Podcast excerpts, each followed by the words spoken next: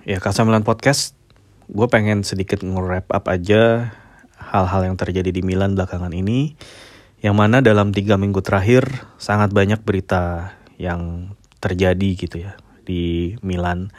Dari mulai pemecatan Maldini, pengunduran diri Masara, terus kemudian penjualan Sandro Tonali. Tapi di lain sisi kita juga ngelihat berita bahwa manajemen baru ini juga sibuk untuk mencari lokasi stadion dan mereka sangat eager gitu. Atau sangat menginginkan Milan itu punya stadion sendiri yang mana itu akan menjadi hal yang bagus jika ter, terwujud gitu ya suatu saat. Dan manajemen baru pun juga kemudian um, dalam tiga minggu terakhir ini udah ngedatengin lima pemain ya. Lima pemain ini tentu belum uh, menyenangkan Milanisti dan melegakan Milanisti ya. Ya tapi at least nunjukin bahwa manajemen ini mencoba untuk um, ngebentuk tim ini, uh, reshaping tim ini ya menjadi sesuatu yang lebih baik, lebih bernilai dan segala macam. Yang mana hasil dari rebuilding yang dilakukan sekarang ini baru akan kelihatan nanti di akhir musim ya. Kita nggak bisa memberikan judgement atau penilaian yang terlalu dini gitu ya. Karena sebetulnya siapa pun manajemen yang uh, berada di balik layar dari keputusan-keputusan yang diambil terkait Milan, ya kita sebagai fans, apalagi fans layar kaca jarak jauh ya, kita kayak cuman bisa mengamati aja, ya bereaksi sedikit-sedikit gitu ya. Kita mau happy, kita mau sedih, itu tidak berpengaruh terhadap tindak tanduk dari manajemen dan lain-lain, ya. Dan ya di sini gue pengen sedikit mengomentari aja beberapa pemain ya, terutama beberapa pemain yang baru datang gitu ya. Yang pertama yang didatengin manajemen adalah Marco Sportiello. Nah menurut gue Sportiello ini upgrade sih, upgrade dari Tata Rusanu ya. Tata Rusanu bukan kiper jelek tapi ya dia udah termakan usia dan dia terlalu banyak dibebanin gitu ya dengan cederanya Mike Mignon. Harusnya kan kiper kedua itu memang uh, dimainin di Copa gitu ya atau kalau pada saat kiper utama sedang cedera ya. Tapi dalam case-nya Tata Rusanu Mike Minyongnya ini cedera kebanyakan. Sehingga ya dia jadi harus sering bermain ya dan kita nggak bisa juga expect Tata Rusanu bisa menampilkan performa yang selevel Mike Minyong gitu. Dan akhirnya gara-gara Mike Minyong itu absen uh, waktu itu tiga bulanan ya dan absen di 20-an games itu akhirnya bikin uh, Milan kehilangan banyak poin yang berharga. Apakah si Sportiello ini bisa ngejamin dia bisa tampil uh, lebih baik dari Tata Rusanu? Itu nggak ada jaminan juga. Ya, nggak ada jaminan. Uh, yang jelas kalau dari sisi jam terbang Tata Rusanu lebih tinggi dan Tata Rusanu ini kan juga one of the most kept uh, pemain di timnas Rumania. Sementara Sportiello itu bukan levelnya timnas Italia walaupun kita nggak bisa juga ya nge-compare timnas Italia sama Rumania. Tapi anyway uh, Sportiello ini pengalamannya baru seputar lokal gitu ya baru main di Serie A kebanyakan. Gue nggak begitu merhatiin apakah Sportiello yang uh, pernah main di UCL kalau nggak salah sih pernah ya. Harusnya dia pernah main di UCL kalau dia uh, diturunin nama pelatih Gasperini di Atalanta. Tapi gue nggak begitu banyak memperhatikan kiprah dari Sportiello, to be honest with you. Ya anyway, um, dia yang jelas udah berada di tim Atalanta ini cukup lama. Jadi seharusnya dia juga udah punya mentalitas yang oke okay, karena Atalanta belakangan ini juga tim yang selalu finish di papan atas. Dan semoga aja emang dengan usia yang lebih muda, dengan uh, potensi yang lebih baik harusnya Sportiello bisa mengisi gap gitu ya yang ditinggalin oleh Tata Rusanu gitu. Terus yang kedua Luka Romero ya uh, Sportiello aja gue nggak gitu tahu apalagi Luka, Luka Romero terus terang Luka Romero ini walaupun udah main di Itali sejak musim lalu main di Lazio ya tapi nggak nggak kedengeran bagaimana kiprahnya. Karena emang dia di Lazio pun juga bukan pilihan utama. Dia masih muda juga. Walaupun dia digadang-gadang sebagai salah satu pemain yang berbakat ya. Dia ikut dalam timnas Argentina di Piala Dunia Under 20 tapi kita nggak bisa justify kemampuannya. Kalau dari uh, caranya ngegiring bola, caranya bermain itu sedikit mengingatkan kepada Brahim Diaz memang. Dan dia dia sendiri bilang bahwa dia ingin seperti Brahim Diaz di Milan, main di belakang striker, ya banyak melakukan dribbling dan tusukan-tusukan gitu. Itulah playing style dia. Tapi kita nggak tahu apakah Luka Romero ini bisa memproduce hasil seperti Brahim Diaz. I don't think so sih. Karena kalau dilihat dari um, transfernya Luka Romero yang free ya dan juga kontraknya yang cukup panjang 4 musim. Ini Romero ini menurut gue diproyeksiin untuk uh, masa depan sih ya. Dia nggak bisa langsung dikasih menit bermain yang banyak dan ngasih impact yang besar, tapi ya setidaknya dia bisa main dari bangku cadangan gitu ya. Dan mengingat main, Milan main di kompetisi yang banyak ya harusnya dia bisa dapat kesempatan untuk nunjukin uh, his potential ability ya dan gue harap aja dia dengan uh, transfer yang free dan juga uh, jauh dari spotlight dia bisa berkembang dengan lebih natural di tim ini. Gitu sih. Dan ini juga sejalan dengan keinginan keinginan manajemen untuk mengimprove uh, sisi kanan dari permainan. Ya dengan Romero yang masih muda dan potensialnya ceilingnya juga kita masih belum tahu seberapa. Ya semoga aja dia bisa nge-provide sesuatu yang lebih baik dari Makers atau Mesias tapi sekali lagi Luka Romero nggak gue expect untuk bisa tampil di tim inti. Karena biar gimana pun manajemen sepertinya masih akan nyari uh, the real right winger gitu. Samuel Chukwueze itu gue nggak tahu apakah bisa didatengin apa enggak karena harganya yang cukup mahal. Beberapa nama lain gue juga nggak ngerti apakah bisa didatengin lagi oleh Milan dalam waktu yang relatif singkat. Karena gue ngelihatnya manajemen itu punya intensi untuk ngasih pemain sebanyak mungkin ke Pioli, terutama pemain-pemain baru ya, supaya bisa cepat integrated ke taktik gitu. Jadi nggak mau lama-lama pemain ini akan diusahakan untuk ikut berangkat ke USA dalam rangkaian tour preseason sehingga bisa cepat untuk memahami yang dimauin Pioli dan bisa cepat menimbulkan chemistry dengan pemain-pemain lain gitu. Tapi ya konklusinya Luka Romero ini masih uh, belum bisa dijustify apalagi sampai berharap dia jadi pemain inti. Gua rasa sih enggak sih. Gitu. Dia low risk investment aja sih Luka Romero.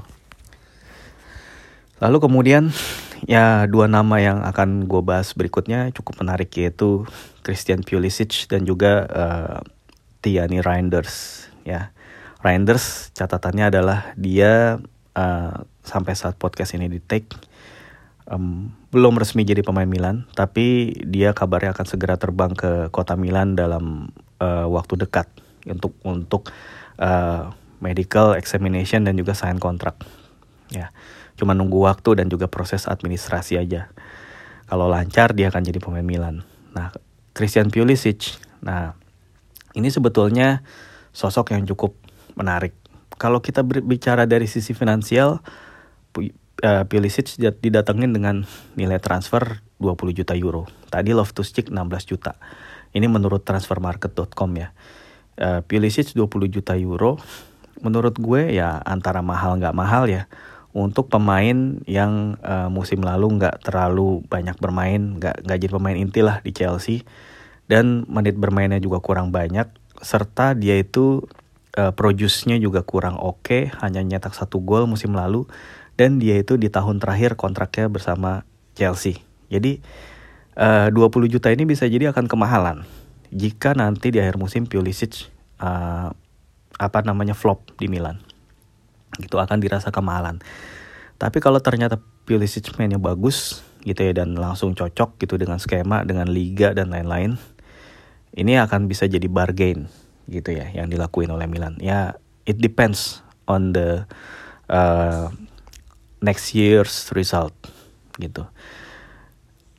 Tapi yang jelas kalau bisa kita lihat um, Pulisic dari sisi tactical seperti apa dia bisa ngebantu skuadnya Stefano Pioli jelas dia akan bisa ngasih banyak kenapa karena uh, Pulisic ini adalah pemain yang meskipun baru usianya 24 tahun tapi dia udah main 8 musim di kompetisi tertinggi Eropa.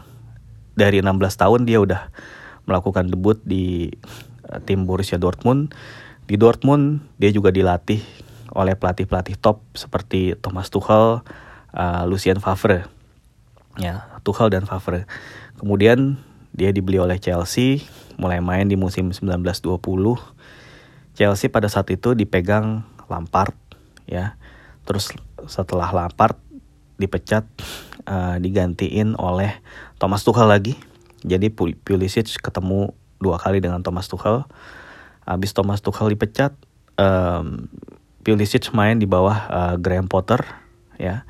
Terus kemudian habis Potter dipecat, balik lagi ke Frank Lampard ya. Pulisic sebetulnya adalah pemain yang sangat versatile di lini lini serang gitu. Dia bisa main di posisi mana aja. Dia bisa sebagai pemain sayap kiri, sayap kanan, uh, pemain yang di belakang striker ataupun striker ya. Dia sangat mobile. Kelebihan dia sebagai pesepak bola adalah dia pemain yang skillful, cepat dan juga uh, mengandalkan insting. Ya dia bukan bukan tipikal pemain yang punya visi yang bagus, punya decision making yang bagus. Dia kadang-kadang juga bisa kayak ngebuang momentum. Ya misalnya dia lagi bawa bola, nge-carry bola di uh, seperempat lapangan terakhir, dia bisa kayak bingung tuh antara dia langsung ngoper melakukan umpan terobosan atau creating di sayap ataupun dia langsung eksekusi. Kadang-kadang dia terlambat, akhirnya dia ngelepas tembakan dan melebar gitu hilang momentum. Atau bisa juga dia pemain yang terlihat sangat skillful ketika dia nerima umpan silang dia bisa mengontrolnya dengan baik satu dua sentuhan finishing dengan akurat ya itu kan pergerakan-pergerakan yang sifatnya instingtif sebenarnya nggak nggak jauh beda sama Leo yang menurut gue mainnya tuh insting banget sih gitu ya dengan menggunakan instingnya. Kalau Leo itu kan emang sangat cepat sangat ku kuat gitu sangat skillful. Kalau Pulisic ini uh, tipikal pemain yang yang juga cepat ya yang juga cepat dan juga uh, skillful. Dan Pulisic ini juga versatile kelebihannya dibanding Leao ini tentu Pulisic bisa mainin di banyak posisi. Ya gitu. Terus uh, Pulisic juga di bawah um, waktu itu di bawah Graham Potter. Waktu berhadapan dengan Milan di uh, fase grup UCL musim lalu Pulisic itu nggak main sama sekali. Dia cuma di bangku cadangan dan nggak dimainin sama sekali. Uh, um, lain halnya dengan si Ruben Loftus-Cheek yang nanti akan gue bahas gitu ya sorry sorry ini jadi loncat-loncat harusnya abis Portillo gue bahas Loftus-Cheek dulu tapi ini udah keburu bahas Pulisic jadi ya oke okay, abis ini aja Pulisic nggak dimainin waktu Milan ketemu Chelsea. Um, tapi kalau di uh, pertandingan liga yang lain, Pulisic cukup banyak bermain ya di atas 20 lah gameplaynya dia. Walaupun gak semuanya juga dari starter. Dia sering masuk dari bangku cadangan karena emang di posisinya Pulisic saat itu udah ada pemain seperti uh, Mason Mount ya yang lebih dipercaya gitu. Dan juga uh, pemain seperti siapa? Um, Hakim Ziyech ya. Um, dan juga uh, yang terakhir-terakhir uh, Mikhailo Mudrik ya yang lebih dipercaya ketimbang si uh, Christian Pulisic. Dan juga ada Kai Havertz ya. Jadi persaingan di lini depan Chelsea yang cukup ketat itu rasanya yang bikin Pulisic itu juga jadi kekurangan menit bermain. Di samping juga uh, faktor kebugaran karena Pulisic ini juga sepertinya rentan cedera dalam semusim.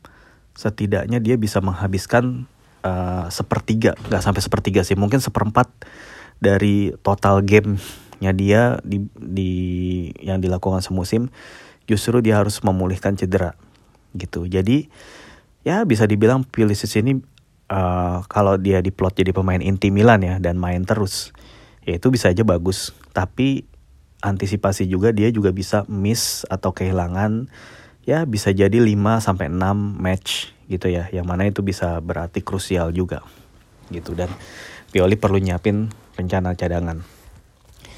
Tapi uh, tentunya dengan memiliki pemain yang punya insting gol dan juga um, daya daya gebrak yang bagus seperti Leo dan Pulisic. Ini buat tim tentunya bagus gitu ya. Dibandingin sama musim lalu ini adalah improvement ya. Dengan dia sebagai pengganti dari Brahim Diaz menurut gue ini cukup sepadan lah. Gitu. Yang yang juga patut digaris bawahi dari performa Pulisic adalah di Piala Dunia lalu uh, Pulisic ini juga um, jadi pemain sayap kiri di formasi empat tiga tiganya USA. Jadi Pulisic di kiri, Timothy Weah di kanan, Josh Sargent di tengah. Uh, pada prakteknya Pulisic dan Sargent ini bermain dekat ya, di agak ke dalam. Dan kadang-kadang juga Pulisic main melebar supaya bisa dapat space gitu. Sementara uh, Timothy Weah, terus Weston McKennie, Tyler Adams gitu ya. Dan juga gelandang-gelandang Amerika yang lain ya itu bermain rapat, bermain uh, lebih ke dalam supaya memberikan space buat Pulisic dan juga Josh Sargent gitu ya. Dan untuk wide area mereka bisa contain uh, si Anthony Robinson di kiri dan juga Serginho Des di kanan. Ya. Gitu. Dan juga posisi gelandang lain ada Yunus Musa yang juga bermain sebagai breaker sekaligus juga uh, gelandang box to box ya dari Amerika Serikat ya. Yunus Musa ini juga salah satu pemain yang diincar oleh Milan gitu ya. Nah terus um, ya balik lagi Pulisic tampil cukup bagus. Dia adalah uh, kepingan serangan yang diperlukan gitu ya. Dan pada saat itu Amerika berhasil melaju hingga ke babak 16 besar uh, Piala Dunia 2022 ya dan Pulisic mencetak satu gol penentu ke gawang Iran ya. Yang mana ini menarik nih nanti kalau misalnya Milan seandainya gitu ya jadi ngedatengin Taremi ya main di Taremi ini akan ada duet Amerika Iran gitu. Secara geopolitik menarik nih. Gitu. Terus um, tadi gue sempat ngebahas Ruben Loftus-Cheek ya. Loftus-Cheek sebetulnya adalah pemain tipikal yang emang uh, uh, dibutuhin oleh Pioli ya. Karena Pulis, uh, si uh, Pulisic si Loftus Cheek ini uh, terutama pada saat Chelsea di eranya Graham Potter ya dia jadi satu di antara double pivot ya. Pada saat Chelsea ketemu Milan uh, di game pertama yang di kandang Chelsea uh, Loftus Cheek itu main sebagai gelandang inti duet bersama Matteo Kovacic terus kemudian di leg berikutnya ketemu Milan si Loftus Cheek dicadangin yang dimainin Jorginho sama Kovacic. Uh, Loftus-Cheek main di babak kedua. Tapi yang jelas uh, Loftus-Cheek ini adalah uh, gelandang tengah yang sebetulnya cukup diandelin sama Chelsea. Terutama untuk mengcover uh, ya sebagai double pivot ya. Dia bagus gitu. Physical presence-nya dia, kemampuan dia ngebawa bola. Kalau kita ngelihat di uh, FB Ref secara stats itu dia emang yang menonjol di dalam urusan passing dan juga progressive carrier. Dia adalah seorang ball carrier yang bisa um, ngebawa tim ini ngelepas dari pressure dari lawan. Ini adalah tipikal pemain yang uh, bisa jadi dibutuhin. Dia punya atribut seperti ini, seperti seperti halnya Benacer dan Tonali. Walaupun kalau dari atribut uh, tackling dan juga intercept dia sama sekali tidak bisa diharapin untuk nutup peran dari Frank Kessie di situ. Dan Loftus-Cheek juga bukan seorang gelandang yang kalau dari sisi uh, produce ya, dari sisi production dalam hal expected goals ataupun expected assist itu rendah. Lu nggak bisa berharap dia untuk bisa nyetak gol ataupun membuat assist gitu. Ya, ya setidaknya dia bisa nge-carry bola dan physical presence-nya berguna Oh ya sama satu lagi yang bisa diandelin dari dia itu aerial duel. Karena emang dia punya fisik yang kokoh ya. Tingginya tuh 186-an, 185, 186. Ya ini lebih baik posturnya daripada Benacer atau Tonali atau Krunik. Jadi ya bisa nambah power lah bisa dibilang. Kalau jadi kalau Pioli pengen uh, menggunakan fisiknya Loftus Cheek untuk bisa berhadapan sama tim-tim lain ya ini emang berguna nih pemain gitu terus satu lagi uh, siapa namanya Tiani Reinders Reinders ini adalah prospek yang paling menarik di bursa transfer Milan musim ini bisa dibilang gitu. Dia adalah pemain AZ Alkmaar asal Belanda ya. Usianya sama kayak Pulisic uh, 24 tahun ya. Bedanya kalau Pulisic udah main di tim inti dari usia 16, si Reinders ini baru tiga musim terakhir dia dipercaya jadi gelandang inti di lini tengahnya AZ. Pertama kali dia um, dapat spot starter di AZ adalah ketika di bawah pelatih uh, Arnie Slot. Arnie Slot ini kalau lu ngegoogling uh, pelatih-pelatih yang punya potensi bagus di Eropa itu Slot masuk di dalamnya. Dan Arnie Slot ini juga sempat masuk ke bursa pelatihnya Tottenham Hotspur ya beberapa waktu lalu. Cuman Slot kayaknya nolak waktu itu. Nah, si Arnie Slot ini menjadikan Reinders sebagai uh, gelandang juga double pivot di double pivot ya dia itu biasa uh, berduet dengan uh, gelandang dari siapa namanya dari Norwegia. Gelandang Norwegia itu namanya siapa ya tadi gue sempat cek namanya tapi gue lupa namanya agak susah. Sebentar gue gue kepo. Gue kepo gue kepo.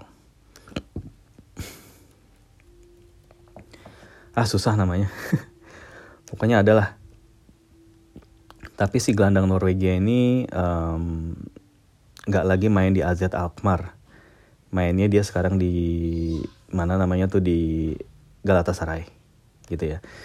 Nah jelas ketika si gelandang itu ada Reinders ini jadi pemain yang lebih uh, lebih sering naik karena posisinya ditutup oleh dia. Nah terus di musim musim lalu di bawah pelatih baru Pascal Jansen, Reinders itu bermain lebih advance karena si Pascal Jansen itu naruh si Jordi Klasi. Lu mungkin pernah dengar ya Jordi Klasi ya. Itu kan pemain seangkatannya si siapa namanya uh, yang main di Salernitana tuh. Gelandang. Kok gue lupa ya. Gelandang Belanda yang main di Salernitana musim lalu yang cukup banyak ngegolin yang jadi andalan kalau pas lu main Master League ya itulah pokoknya uh, Jordi Klasi ini angkatannya dia gitu dan Jordi Klasi ini yang jadi di playing playmakernya si Reinders bermain lebih depan. Jadi kalau seandainya lu berharap si Tiani Reinders itu bisa jadi di playing playmaker itu seperti yang enggak juga. Jadi Reinders ini akan bermain lebih ke depan. Mungkin seperti halnya Benacer yang musim lalu diplot oleh Pioli untuk main lebih ke depan. Jadi musim lalu kan sering uh, Benacer taruh di tengah, uh, kanan kirinya tuh Brahim dan Leo. Jadi bisa aja di musim depan akan terjadi ini Tiani Reinders itu main di wilayah nomor 10, Leo Pulisic di depan dan di belakang dia main di belakangnya si Olivier Giroud ataupun siapa pun yang jadi striker utama. Nah berarti kan kalau kayak gitu, uh, kalau misalnya main dengan formasi tadi dengan uh, 4-3-3 berarti ya Nah dengan 4-3-3 satu pemain lagi untuk menjadi breaker itu yang dibutuhin atau di playing playmaker. Ya. Kalau Benacer udah sembuh, mungkin itu bisa tuh jadi Benacer, Loftus Cheek dan juga si Tiani Reinders ini jadi akan uh, komposisi gelandang yang oke. Okay. Mereka punya daya jelajah yang bagus, passing range bagus, ya, progressive carrier juga bagus, gitu ya. Terus belum lagi kalau Tiani Reinders ini khususnya dia mengalami penik, apa peningkatan dari dari sisi uh, uh, produce expected goals ataupun assist ya cukup, tinggi. Musim lalu itu Reinders nyetak 3 gol dan 6 assist gitu ya. Di Eredivisie di mana dia tuh main di total full 34 pertandingan tanpa cedera. Terus dia juga main ngebawa AZ Alkmaar uh, sampai di babak semifinal um, Conference League. Bahkan sempat menyingkirkan Lazio juga. Dia main bagus. Jadi emang Reinders ini menurut gue akan jadi pemain yang paling menarik ya sejauh ini gitu ya. Nggak tahu kalau nanti manajemen ngedatengin pemain baru lagi. Jadi Reinders di belakangnya si Leao dan Pulisic ini akan menjadi prospek yang oke. Okay. Tapi kalaupun misalnya Reinders dia di double pivot bersama Loftus Cheek gitu ya. Dan Pulisic di depannya sebagai gelandang tengah, gelandang serang tengah dan juga si satu lagi pemain sayap kanan akan dipakai, akan dibeli, sorry maksudnya. Ini juga bisa jadi pilihan, jadi opsi. Cuman dengan catatan kalau Milan itu bisa ngedatengin satu uh, pemain sayap kanan yang emang punya uh, kemampuan nusuk yang bagus gitu dan juga bisa ngimbangin Leo di kiri gitu ya kita nantikan aja sih menurut gue tapi yang jelas um, dengan adanya Tiani Reinders ini menurut gue uh, cukup menarik ya ngelihat lini tengah Milan itu akan sedikit berubah gitu ya. Reinders punya atribut uh, ofensif yang sangat bagus. Dia bisa ngedribble bola dengan baik. Dia bahkan bisa memulai serangan dari bawah gitu ya. Dia uh, forward thinking midfielder. Jadi dia tuh jarang banget ngasih bola ke belakang. Dia tuh lebih sering ngasih ke depan dan juga ngebawa bola ke depan. Dia punya confidence uh, dalam ngedribble. Ya take ons-nya bagus gitu ya.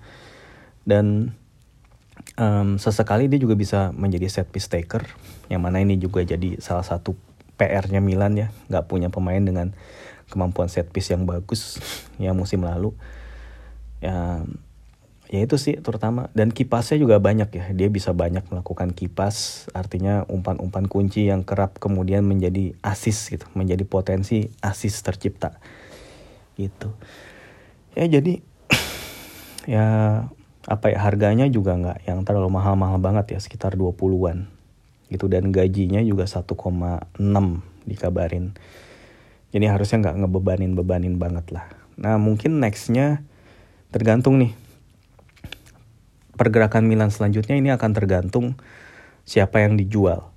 Jadi kan Milan tuh punya list beberapa pemain yang akan mereka jual seperti Rebic, Origi, Mesias, Selemakers dan mungkin Charles de Ketelaere yang uh, kalau ada tawaran bagus akan dilepas juga. Nah, dari penjualan 5 pemain ini atau 4 lah, 4 dari 5 ini keluar gitu. Setidaknya kan bisa banyak menghemat biaya gaji bisa sampai 15 sampai 20 juta euro biaya gaji dihemat dan juga bisa ngedatengin uh, uang transfer sekitar sampai 20 juta juga lah kalau emang pinter ngejualnya gitu ya. Nah, dari situlah kemudian Milan bisa berharap ngedatengin uh, striker dan juga sayap kanan. Dari budget yang tersisa kan kan gini hitung-hitungan budgetnya. Tonali kan dijual taruhlah 64 juta euro sesuai dengan transfermarket.com. Um, itu bisa langsung dibajetin uh, udah langsung dibajetin maksudnya untuk beli si uh, Reinders, Pulisic dan juga Loftus-Cheek. Ya, itu tiga pemain itu aja harganya udah 56 juta euro. Gitu.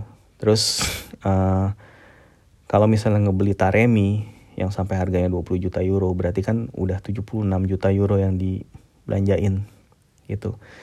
Nah, terus kemudian satu gelandang sayap kanan yang mungkin akan dibeli dengan kisaran 3, 15 jutaan.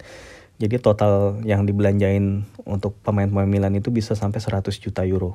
Tapi itu itu pun juga dengan catatan kalau ada opportunity market lain untuk bisa ngedatengin gelandang jangkar gitu. Gue nggak yakin Yunus Musah itu seorang gelandang jangkar juga dan juga apakah Milan itu masih punya budget gitu. Karena initial budget yang dimiliki Milan itu kadang apa kita nggak tahu ya benar atau salah ya Apakah 35 juta euro kayak musim lalu? Apakah 50 juta euro? Taruhlah 35 juta euro. Ditambah jual Tonali 65, jadi ya 100 juta lah budgetnya. Yaitu sekarang udah kepake 56 gitu ya. Reinders 20, Pulisic 20, Loftus-Cheek 16. Kalau dipakai 14 lagi untuk beli uh, apa namanya sayap kanan, itu udah habis sekitar 70 Nah sisanya 30 juta mungkin bisa dipakai buat beli striker dan juga gelandang bertahan. Itu juga kalau masih ada opportunity market. Gitu. Jadi menurut gue akan ada dua pemain yang akan diprioritasin dibeli lagi untuk posisi striker dan uh, gelandang kanan dan untuk defensive midfielder ini ngelihat apakah ada opportunity di market gitu. Ya menurut gue sih gitu ya. Nggak tahu benar atau salah. Ya. Ya udahlah singkat dulu. Gue nggak terlalu banyak juga yang mau dibahas. Sampai ketemu lagi di lain kesempatan. Bye